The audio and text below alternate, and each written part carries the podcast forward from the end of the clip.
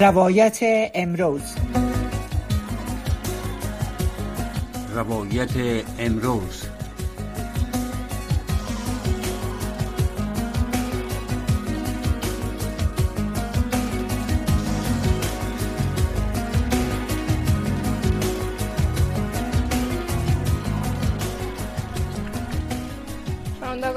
رادیو آشنا صدای امریکا سلام و وقتتان بخیر. امیدوارستم در هر کجایی که هستین صحت و سلامت باشین و لباس عافیت بر تن داشته باشین. باز هم برنامه روایت امروز است و ما فرخنده پیمانی در نیم ساعت آینده میزبان شما عزیزان هستم و می‌پردازیم به مطلبی که امروز در مورد آن با مهمان برنامه صحبت خواهیم کرد. موضوع بحران بشری و وضعیت حقوق بشری در افغانستان است که تحت حاکمیت طالبان با مهمان برنامه محترم وحید الله امانی سخنگوی سخنگوی برنامه جهانی غذا یا WFP هستند در برنامه که در برنامه خواهیم داشت و در این برنامه روی وضعیت وضعیت بحران بشری در افغانستان و عدم مسئولیت غذایی. مردم صحبت خواهیم کرد و تا آخر برنامه امیدوارستم ما را همراهی بکنین. خب قبل از اینکه مهمان برنامه را ما به برنامه دعوت بکنیم و با ایشان بحث خود را آغاز بکنیم می‌پردازیم به ای که در کل وضعیت بشری در افغانستان از چه قرار است و مردم در چه وضعیت زندگی می‌کنند دفتر ماهنگ کننده امور بشر دوستانه ملل متحد یا اوچا هشدار داده که اگر مشکل کمبود شدید بودجه حل نشه میزان کمک های حیاتی خود به مردم افغانستان را کاهش میده و همچنان این زمانی است که گرسنگی در افغانستان به سطح بی پیشینه بلند رفته. اوچا همچنان روز یکشنبه 24 سپتامبر در شبکه اجتماعی اکس ضمن اشاره به گفتایی که گفته که شرکای بشری آنها در افغانستان از ماه جنوری تا جولای امسال به 22.6 میلیون نفر مواد غذایی و زراعتی کمک کرده. و همچنان در این حال شعبه افغانستان سازمان جهانی صحت نیز بر روز یکشنبه در صفحه اجتماعی اکس گفته که در صورت عدم دریافت بودجه لازم 8 میلیون افغان از خدمات صحی حیاتی محروم خواهند شد.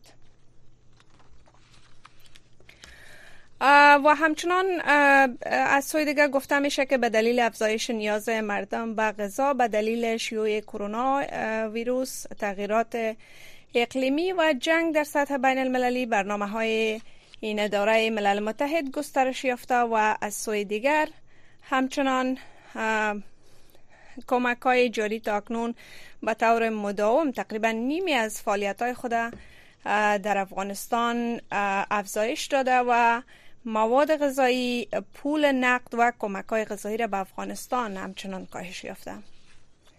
خب در این بخش البته اگر همکاران تکنیکی ما آماده باشند میشه که به اخبار بریم و اخبار را بشنویم و دوباره بر بگردیم تا اینکه مهمان برنامه ما با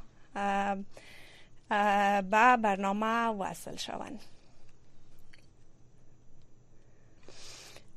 خب اگر اخبار آماده باشه میشه که به اخبار بریم و دوباره. اوکی. خب یک وقفه کوتاه می‌گیریم و دوباره برمیگردیم.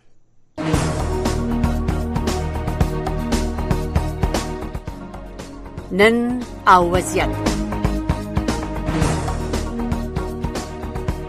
نن او وضعیت.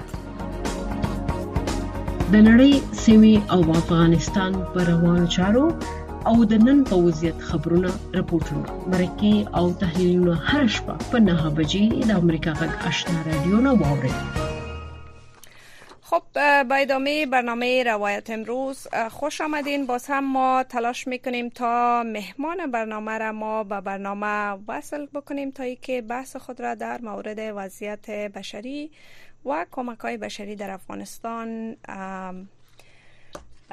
با ایشان آغاز بکنیم و صحبت بکنیم. در این مورد معلومات بتن و وضعیت را به بررسی بگیریم. اما قبل از اون می‌پردازیم به سخنان سندی مکن رئیس برنامه جهانی غذا. یا WFP به تاریخ البته هفته گذشته در مصاحبه با شبکه تلویزیونی امریکایی ای بی سی گفته بود که این اداره ملل متحد برای تداوم برنامه های خود در افغانستان برای ماه اکتبر بودجه ندارد. البته پس از اظهارات سندی مکین بانک انکشافی آسیایی در 20 سپتامبر با نشر اعلامیه گفته بود که 400 میلیون دلار امریکایی را برای حمایت از افغانهای نیازمند به ویژه زنان فراهم کرده و همچنان گفته که کاهش حضرات بحران انسانی در افغانستان تصویب کرده. این بانک گفته که کمک های مالی این بانک برای تامین نیازهای غذایی و خدمات صحی افغان ها از طریق اداره های سازمان ملل متحد به مصرف خواهد رسید و بر بنیاد اعلامیه از این اداره پول هزینه مالی تطبیق برنامه شماری از اداره ها در افغانستان با کمبود بودجه مواجه هستند. و ملل متحد گفته که در سال روان میلادی برای امداد رسانی در افغانستان 3.23 میلیارد دلار نیاز بوده. اما ماه آگست تنها حدود یک میلیارد دلار آن فراهم شده. خب برای بحث بیشتر در مورد وضعیت بشری و همچنان بحران بشری در افغانستان محترم محترم وحید الله امانی سخنگوی برنامه جهانی غذا را در برنامه با خود داریم که ایشان خوش آمدید میگیم. تشکر سلام بر شما سلام بر تمام شنونده های شما و علیکم سلام. آقای امانی خیلی خوش آمدین به برنامه. در کل در ابتدا می‌خوایم شما یک کلی وضعیت بشری در افغانستان را به کلی به بررسی بگیرین که در چی وضعیت قرار داره فعلا. تشکر. با سلام مجدد. وضعیت بشری متاسفانه در افغانستان نگران کننده است. با خصوص در روزهای فیلی که دبلیشپی یا پروگرام غذای جهان با کمبود شدید بودجه مواجه است. اگر یک نظر کوتاهی اندازیم به سال 2021 خصوصا بعد از تحولات سیاسی و نظامی که در افغانستان در 15 آگوست به وجود آمد WHP یا پروگرام غذای جان در سال 2021 پلان داشتن که برای 10 میلیون نفر کمک های مواد غذایی برسانند. البته در اوایل سال و بعدا با مجرد رونما شدن علائم خشکسالی و هم همو پس لرزه های ویروس کرونا خود اقتصاد مردم و مارکت در افغانستان ما پلان های خود از سر گرفتیم و این ارقام از 10 میلیون به 14 میلیون ارتقا دادیم. ولی با وجود با مجرد تحولات سیاسی که در افغانستان با وجود آمد شما در جریان هستیم که افغانستان مارکتش سقوط کرد بانک ها مسدود شد و به صدها هزار مردم وظایف خود از دست دادن. ما مجبور شدیم که بیشتر از این هم نظر به توانمندی که داشتیم و نظر به کمک هایی که جامعه جهانی ارائه کردن ایرا دیگر هم کمک های خود وسط ببخشیم و سکلاب کنیم. و ما گفته می‌تونیم که در ماه آگوست ما 5 میلیون نفر کمک کرده بودیم و در ماه دسامبر 2021 همی 5 میلیون به 8 میلیون ارتقا داریم ماهانه. و امی نمایندگی از این میگونه که نیازمندی بسیار بلند بود و ما هم امکاناتی که داشتیم از امکانات به اصلاش استفاده کردیم. بیاین سر سال 2022 سال 2022 افغانستان به بحران بشری مواجه بود. در اکتبر سال 2021 اسسمنت ها یا ارزیابی هایی که صورت گرفت 22.8 میلیون نفر اینا با عدم مسئولیت جدی مواد غذایی یا غذا مواجه بودند. با تشکر از جامعه جهانی از همکارای بین‌المللی ما در سال 2022 ما توانستیم که برای 23 میلیون نفر کمک های مواد غذایی برسانیم. از این جمله توزیع بیشتر از یک میلیون متریک تن مواد غذایی بود و بیشتر از 326 میلیون دلار. ارزش دلار و پول نقد بود که در سراسر افغانستان توزیع شد و ما توانستیم با کمک و کمک های سخاوتمندانه جامعه جهانی همکارای بین‌المللی ما از فاجعه که داشت رخ در افغانستان جلوگیری کنیم. در سال 2023 افغانستان همچون نیازمندیش بسیار بلند است و بود و ما پلان داشتیم که هر ماه در اوایل سال برای 13 میلیون نفر کمک های مواد غذایی برسانیم. ولی متاسفانه در ماه اپریل و می مجبور شدیم که 8 میلیون نفر بنا بر کمبود شدید بودجه از این 13 میلیون که پلان داشتیم کم بکنیم و تا ماه سپتامبر که فعلا جریان داره ما توانستیم که هر ماه 5 میلیون نفر کمک بکنیم از طریق کمک های عاجل بشری. حالی که در ماه سپتامبر قرار داریم ما تنها می‌تونیم که برای 3 میلیون نفر کمک بکنیم. یعنی از 10 میلیون از 13 میلیون 8 نفر که کم 8 میلیون کم کرده بودیم مجبور شدیم دو میلیون دیگر هم در نیما کم بکنیم. یعنی فعلا ما تنها می‌تونیم برای 3 میلیون نفر کمک های مواد غذایی برسانیم برای شش ماه آینده تقاضای ما از جامعه جهانی یک میلیارد دلار است. و ما بتوانیم در سراسر افغانستان برای 21 میلیون نفر کمک برسانیم. وقتی که ما از 21 میلیون نفر صحبت می‌کنیم فعلا در افغانستان ارزیابی های اخیری که صورت گرفته بیشتر از 15 میلیون نفر با عدم شدید عدم مسئولیت شدید مواجه هستند. و 21 میلیون که ما میگیم 21 میلیونی است که ما بتانیم کسایی که اگر کمک نشوند با این کتگوری اونا وصل میشن از او هم جلوگیری کرده باشیم بله. خب آقای مانی به نظر شما پس از حاکمیت طالبان در افغانستان که اکثر نهادهای کمک کننده و البته بیشتر ادارات مساعدت کننده در افغانستان از افغانستان خارج شدن. ولی اندک از ادارات که باقی ماندن و کمک هایی که برای مردم افغانستان انجام میتن کافی نیست. چی دلایل عمده وجود داره که بیشتر گرسنگی در افغانستان افزایش یافته و در کل چی اقدامات را می‌تونن حکومت طالبان روی دست بگیرن تا حداقل کاهش بده به عدم مسئولیت غذایی در افغانستان؟ ببینیم ما بیشتر گفتم که سال 2021 خودش یک سال خوب آغاز سال خوب برای افغانستان نبود.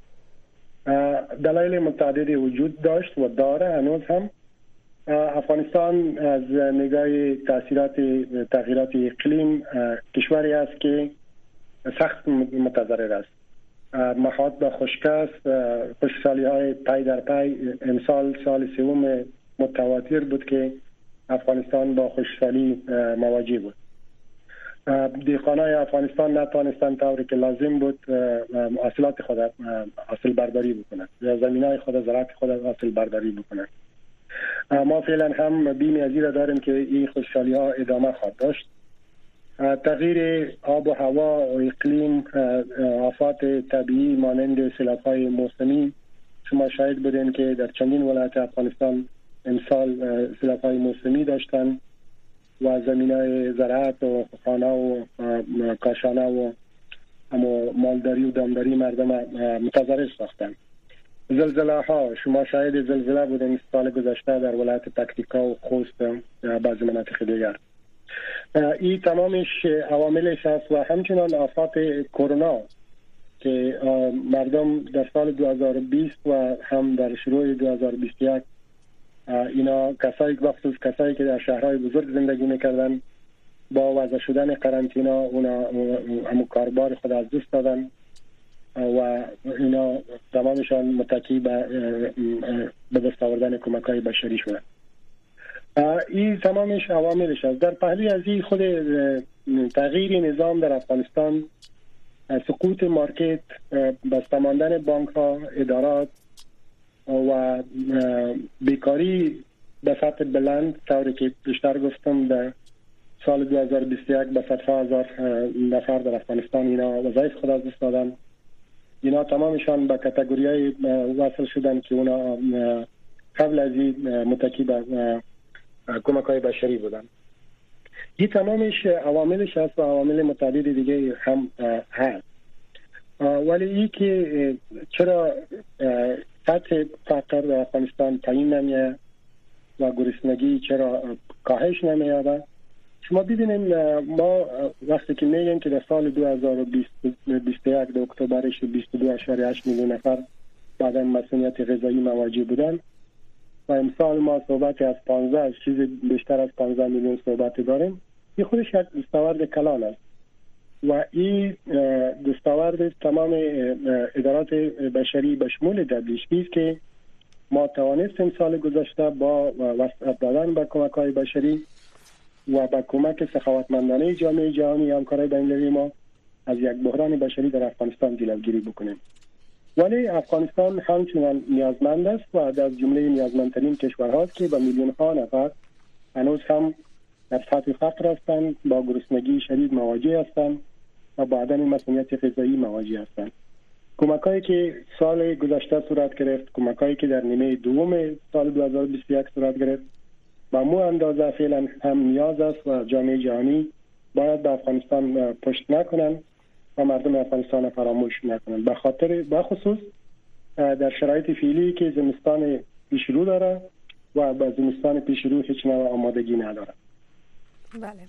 خب به نظر شما که حتی البته سند مکین رئیس برنامه جهانی غذای دبلیو به در اواسط سپتامبر در مصاحبه با شبکه تلویزیونی امریکایی بی سی گفته بود که این اداره برای تداوم برنامهش در افغانستان برای ماه اکتبر که حداقل چند روز باقی نمانده گفته که بودجه نداره و ممکن که فعالیت خود در افغانستان خاتمه ببخشند به نظرتان آیا برای فعلا که البته یک هفته بیشتر از موضوع گذشته فکر می‌کنین که کشورهای جهان بیشتر بودجه را و یا مبلغ را بر افغانستان واریز بسازند تا ای که دوباره بتانن برای ماه اکتبر مبلغ را داشته باشند تا با مردم حداقل برسانن که اونا ادامه بتن خب اول خواهی که رئیس اجرایی ما سیدین مکین اونا امی امروز تویت کردن شما میشه که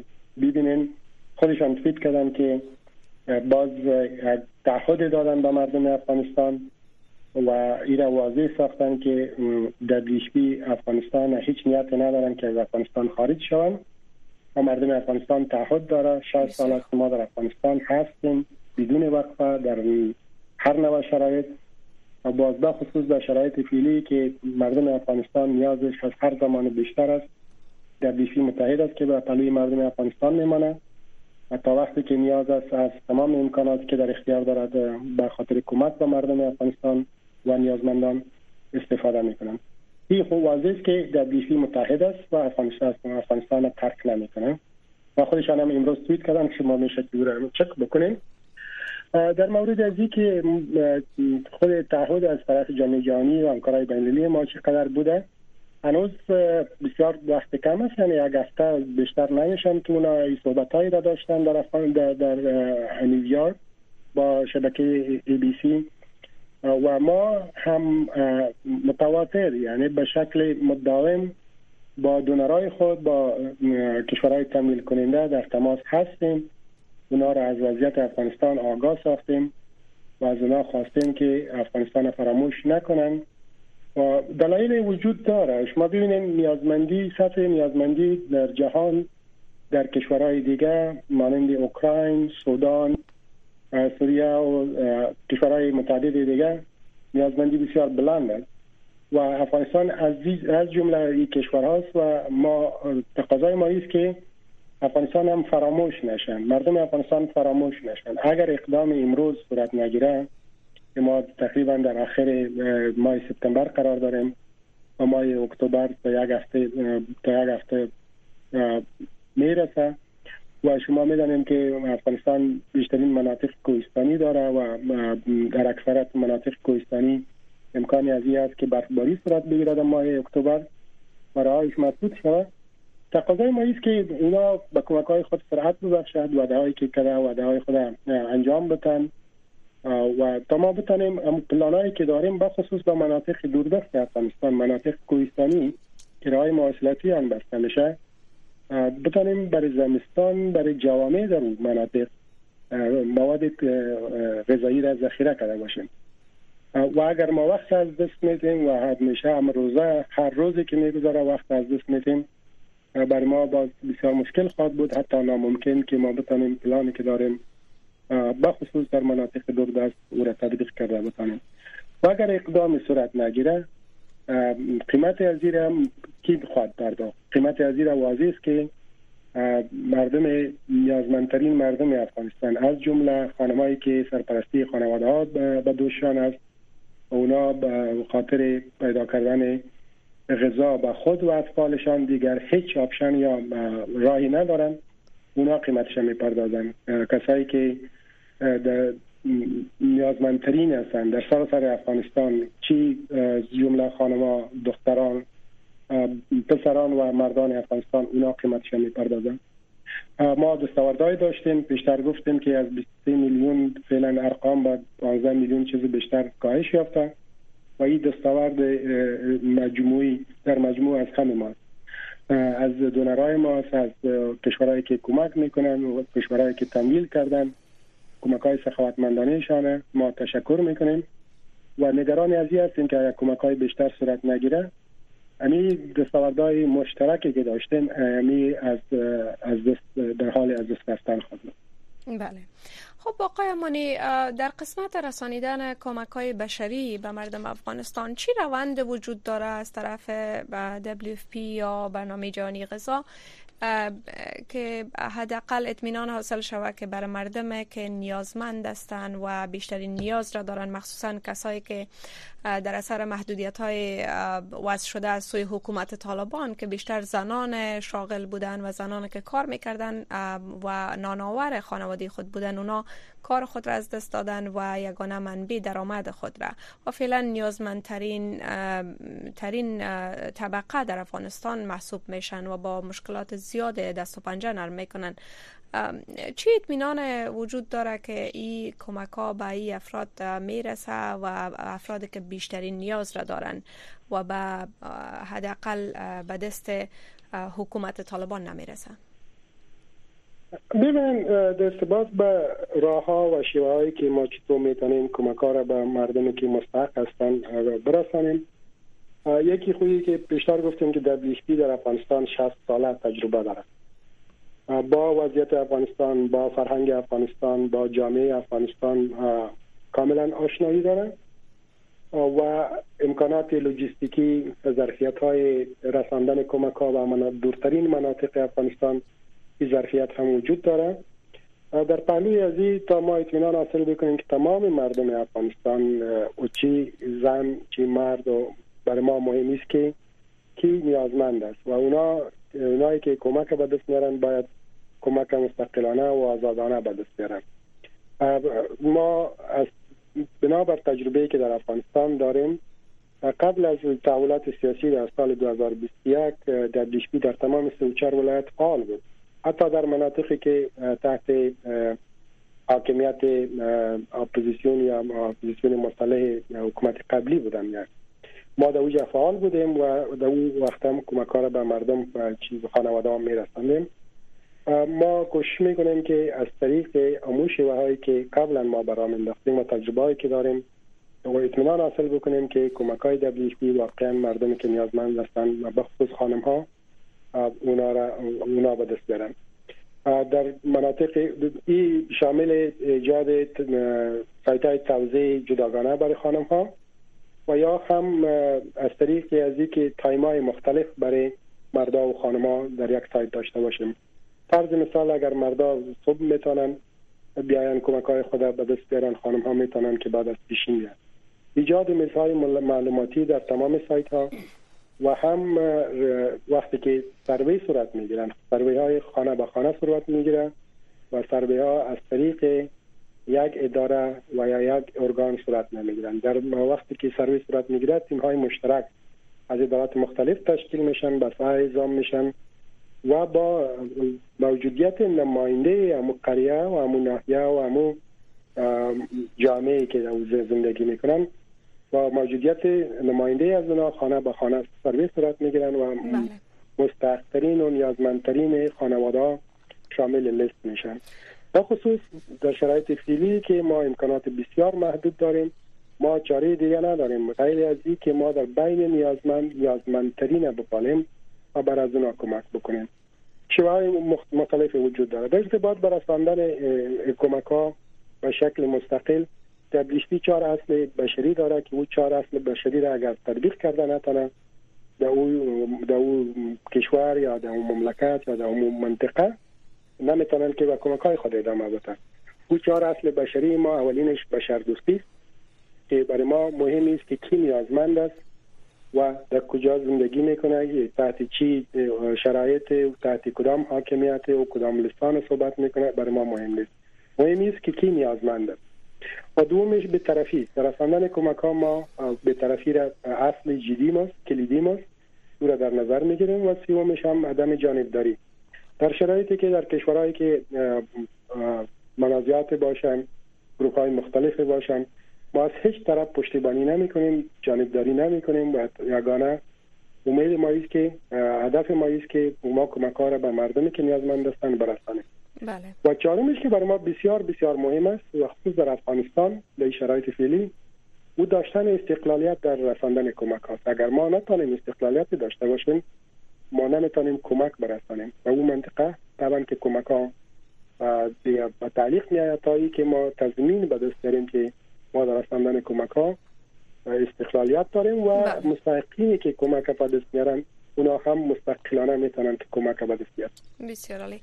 خب آقای امانی برای آن دست کسایی که البته در یکی از برنامه ما که به نام صدای شما هست اکثر هموطنان ما تماس می‌گیرن و شکایت می‌کنن از رسیدن کمک های بشری به افغانستان در محل منطقهشان. اکثر نمی شیوی را که شما توضیح دادین ای که سرویس صورت می‌گیره و امرای نماینده منطقه و محل ای کمک ها به نیازمندترین افراد محلات رسانیده میشه. اونا شکایت دارن که اکثر کسایی که نماینده محلات و منطقه هستن اونا بیشتر تلاش می‌کنن تا به بستگان و کسایی که قارب خودشان است بیشتر کمک ها را برسانن. و اونا میگن که اکثرا کسایی که در ننگرهار و در قندهار در هلمند و در کابل البته بیشتر کسایی که تماس می‌گیرن شکایت شانی است که بر نیازمندترین افراد نمی‌رسه و بیشتر بر باز هم ارتباطات بیشتر مهم است در رسیدن کمک. ها بر اونا چی گفتنی دارین شما؟ تشکر. ما بارها از طریق یعنی رسانه های شما از طریق رادیوی شما از طریق تلویزیون و دیگر رسانه برای مردم واضح ساختیم. ما یک مکانیزم بسیار واضح و ساده داریم.